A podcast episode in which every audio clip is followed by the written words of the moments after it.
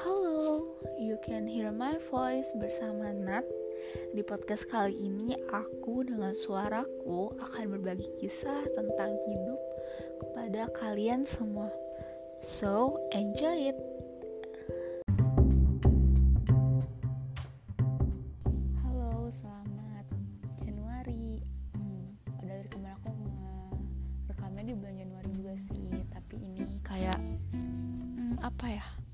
Januari spesial Enggak enggak bercanda Januari biasa aja jadi uh, di sini tuh aku ngebahas sesuai yang ada di judul yaitu pamer di sosial media.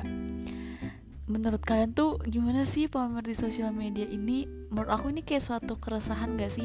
Keresahan orang-orang yang bermain sosial media, terutama nih Instagram. Katanya semenjak TikTok booming nih naik, Instagram jadi toxic warga Instagram toxic banget nih gitu-gitu kan. Aku main kok dua-duanya. Terus uh, apa ya keresahannya itu nah tapi si keresahan ini tuh gak bisa kita lepas gitu loh. Jadi uh, penggunaan sosial media tuh di zaman sekarang itu tuh gak bisa tuh lepas dari kehidupan kita.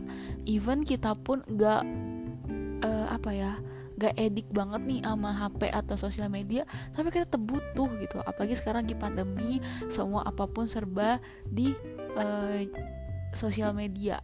Uh, maksudnya berhubungan lewat daring dan lain-lain kayak gitu ya. Pokoknya tuh pasti sangat butuh banget. Terus uh, apa ya oh ya nggak nutup kemungkinan nih kalaupun uh, ada beberapa yang nggak punya sosial media kayak nenek aku. Nenek aku nggak punya sosial media nih. Wajar kan orang-orang kayak gitu. Bahkan mama papa kita pun yang usianya udah 40-50 tahun ke atas nih sekarang pasti udah nih udah bisa bermain sosial media udah punya Instagram atau Facebook WhatsApp dan lain-lain tuh pasti nih. Terus media sosial nih kan e, ibarat bisa kita katakan apa ya pisau deh. Tuh kenapa ya aku bilang pisau? Karena tuh dia tuh bermata dua. Jadi tuh di satu sisinya itu berguna untuk motong sayur yang tajam bisa motong buah-buahan dan lain-lainnya. Jadi kayak iya saking tajamnya itu pisau dia bisa buat motong apa pun. Jika lo kita menggunakan dengan baik memotong uh, bahan makanan sayuran lain-lain itu kan bakal bermanfaat nih buat kita. Tapi kalau kita nggak hati-hati itu bisa melukakan kita bisa menyayat tangan kita. Nah kayak gitu juga sosial media. Kalau kita pergunakan dengan baik itu pasti berguna banget buat kita. Tapi kalau misalnya kita nggak hati-hati aduh kita sendiri yang sakit. Ya nggak sih? Kayak kita mikir toxic nih toxic nih toxic friend toxic in toxic itu kayak semua itu sebenarnya dari mindset kita loh menurut aku. Terus uh, jadi tuh kayak intinya adalah semua itu tentang bagaimana bijaknya kita menggunakan si sosial media tersebut. Kalau misalnya aku sendiri pun uh, gunainnya untuk da selain untuk ngeliat-ngeliat story teman-teman aku dan lain-lain juga aku bisa lebih tahu nih kayak tentang ini aku mau cari tahu aku dapat dan mudah gitu loh untuk aku pahami dari kata-kata sosial media terus apalagi ya sosial media ini tuh uh, juga bisa nih berakibat buruk. Uh, bahkan kalau kita sampai uh, keluar dari norma-norma dan melanggar norma-norma yang berlaku deh kayak ada undang UU ITE gitu kan. Apa sih gimana sih? Ya itu pokoknya itu yang tentang kebijakan sosial media. Kalau kita macam-macam nih kita bisa dilaporin. Aduh jangan sampai deh guys kita sampai masuk penjara nih jangan sampai.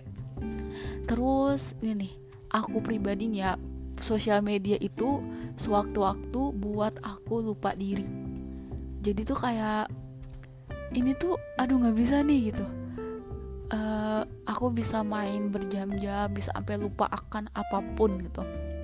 Terus kayak contoh nih misalnya punya barang mewah anak-anak sultan terus kehidupan sukses wanita karir pengusahawan bla bla bla gitu kan. Terus uh, ini nih terlalu membagikan momen kebahagiaannya itu.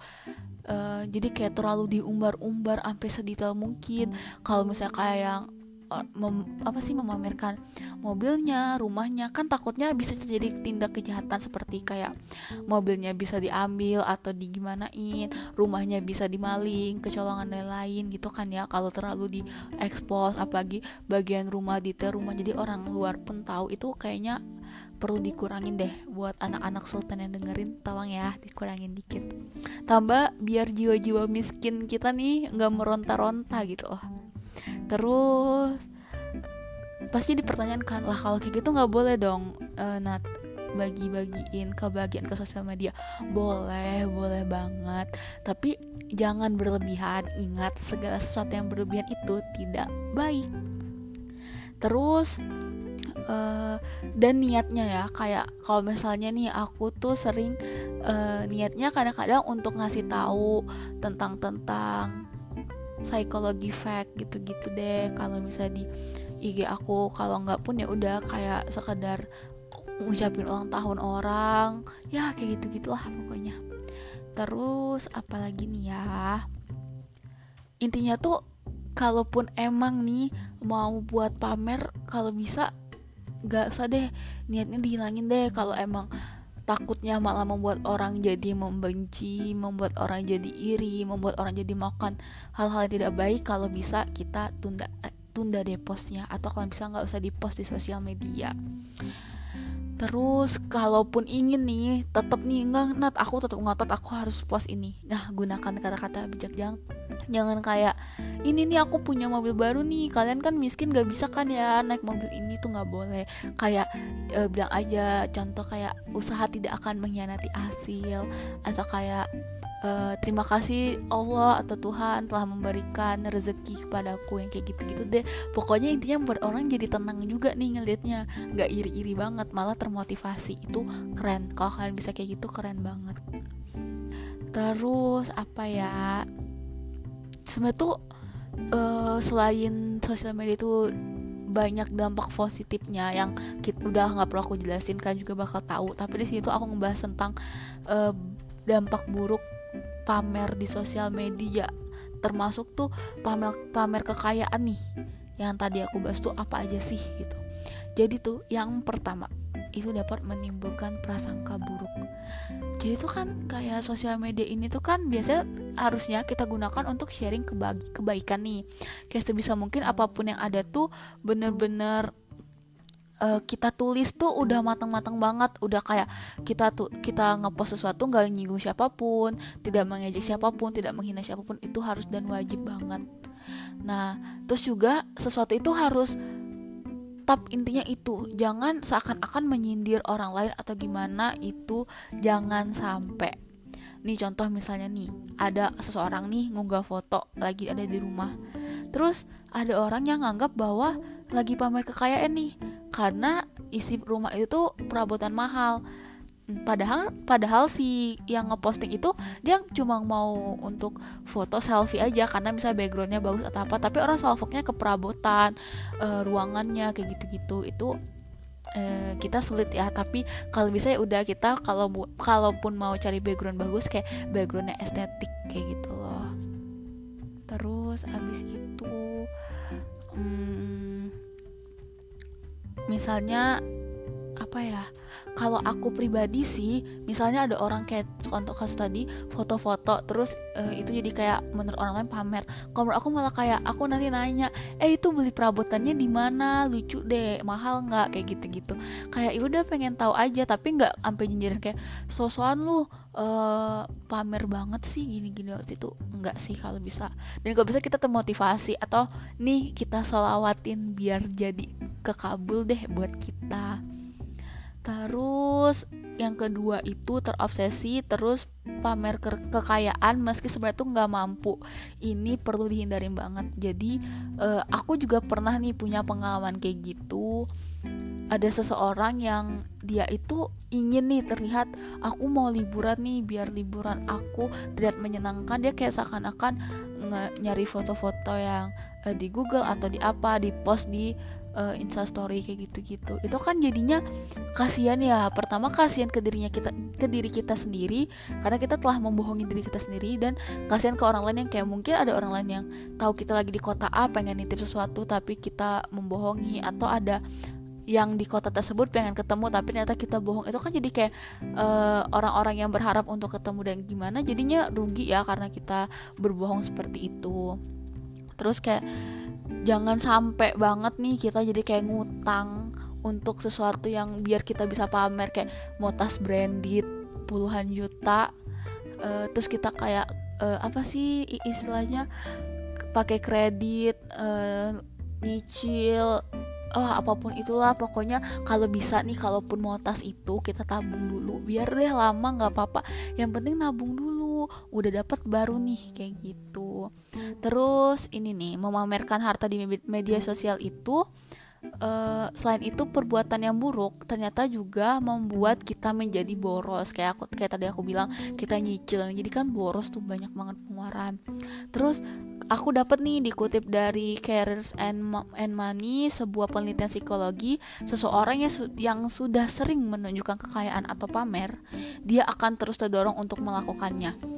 Tanpa mempedulikan kondisi sebenarnya maka dia akan terus ingin menunjukkan apa yang dia punya seseorang yang biasa pamer akan merasa kecanduan tanpa menghiraukan kondisi keuangannya. Jadi kayak oh, aku udah udah punya image kaya nih, aku harus kaya terus kaya terus dapat mereka. Itu kayaknya bakal terjadi deh.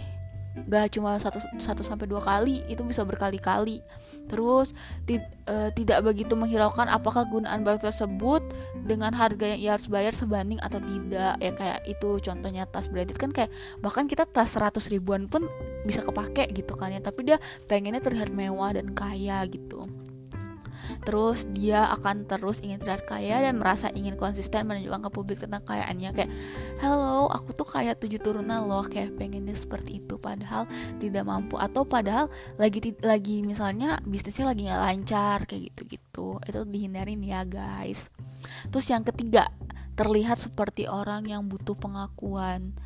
Uh, jadi uh, kalau dari sudut pandang manusia nih sebenarnya orang yang memamerkan harta manusia nggak tuh? Ya sudut pandang kita kan kita manusia. Orang yang memamerkan harta itu kayak memamerkan jet pribadi mobil mahal barang-barang branded sampai kayak gaya hidup kayak gitu-gitu kan itu tuh mereka tuh ingin dipuji atau dapat pengakuan. Kayak ingin diakui bahwa wah kamu kaya dan sukses ya kayak gitu. Terutama uh, ini nih anak-anak muda nih usia-usia kita. Iya guys aku masih 20 kok masih muda kan. Itu kayak kalau udah bisa mobil sendiri beli mobil sendiri beli rumah sendiri itu kayak oh my god tolong dong akuin aku pengusaha muda please please kayak gitu. Terus perilaku pamer ini sebenarnya itu bisa terjadi karena banyak latar belakangnya ya. Ada yang butuh pengakuan ada yang mau dihormati ada yang ingin dihargai keberadaannya. Jadi kayak banyak kan spekulasi orang-orang di mana ketika aku kaya aku bakal dihormatin dan aku bakal diakui oleh lingkungan sekitar yang kayak gitu-gitu Nah, tapi banyak analis menyatakan bahwa hal itu terjadi karena tidak kemampuan mereka memahami, hubungan sosial dalam cara pandang yang benar. Jadi mereka tuh salah mempersepsikan cara pandang itu loh. Ketika semua itu ya walaupun nggak pamer kamu bakal diakui tapi dia ber, berpikiran bahwa mindset di otaknya itu ya aku harus pamer dulu harus kayak dulu biar aku diakui terus berpura-pura bahagia nih yang keempat yang keempat pura-pura bahagia. Jadi ada kan yang nunjuk kayak uh, mengang uh, apa sih? Uang bukanlah segalanya tapi segalanya butuh uang. Uh, terima kasih ya mama papa udah memberikan aku kebahagiaan. Itu kayak pamer jet pribadi misalnya kayak gitu ya. Contoh aja contoh nggak nyinggung siapa pun dan apa pun nih. Terus dan kayak udah uh, jadi mereka itu sebenarnya tuh nggak bahagia dengan apa yang mereka punya. Iya dia bener-bener beruang tapi mungkin ia kekurangan kasih sayang. Orang tersebut uh, tidak apa ya istilahnya tidak mendapatkan kasih sayang seperti kita yang dapatkan dari mama papa kita orang tua kita. Dia hanya terus diberikan uang uang uang dicukupi kebutuhan tapi kasih sayangnya itu tidak dipenuhi. Jadi dia ingin melihatkan di sosial media kayak kalau kaya itu enak loh tapi dia lupa memberitahu kalau kaya itu juga ada minusnya kayak gitu. Terus yang kelima itu cenderung lebih boros. Boros lagi nih aku bahas ya pokoknya kalau kita terus memamerkan ingin pengakuan kita kan akan beli barang-barang nih entah barang langka yang harga jutaan puluhan ratusan entah barang branded dan lain-lain itu kan kita beli. Padahal kita punya banyak tapi kita pengen terlihat punya terus baru terus atau kita di, bisa dibilang wah dia shopping gak lihat harga lagi nih. Nah kita pengen dibilang kayak gitu. Terus uh, kesan yang dibangun di sosial media ini tuh kita pokoknya harus nih harus dibilang ini anak sultan titik titik gitu kayak gitu. Terus nah nih satu lagi nih misalnya ada orang kan nih zaman sekarang kalau menyumbang ke panti asuhan itu di pos biar orang-orang itu ngelihat wah baik nih gitu kan. Saya menunjukkan uh, kalau misal itu tuh ada manfaatnya baik juga tapi balik lagi kata-katanya harus kita atur sedemikian rupa jangan menyinggung jangan terlihat seperti ingin berkata kayak uh, lihat dong uh, aku baik kayak nggak maksud harus kayak gitu. Kita harusnya kayak sambil di post kita kayak ayo ayo dong bersedekah atau ayo yang mau minggu depan sama aku ke panti asuhan ini ini nih kayak diajak gitu aja. Jangan kayak biar ini lihat nih aku kayak nih aku juga banyak pahala nih karena aku sedekah itu jangan sampai ya. Uh, baiklah ini kesimpulan dari aku. Gunakan media sosial dengan bijak maka dari itu pada akhirnya itu akan tetap uh, walaupun nih pada akhirnya tuh bakal tetap ada yang berkomentar negatif tentang kebaikan apa pun yang kita post di sosial media.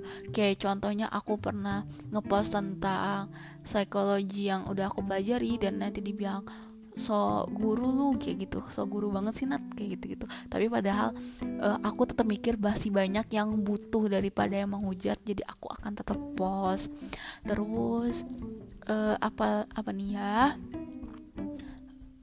akan tetapi nih perilaku berbagi berbagi itu lebih berdampak positif dari sekadar pamer-pamer yang justru akan mengundang reaksi negatif dari pengguna internet lainnya.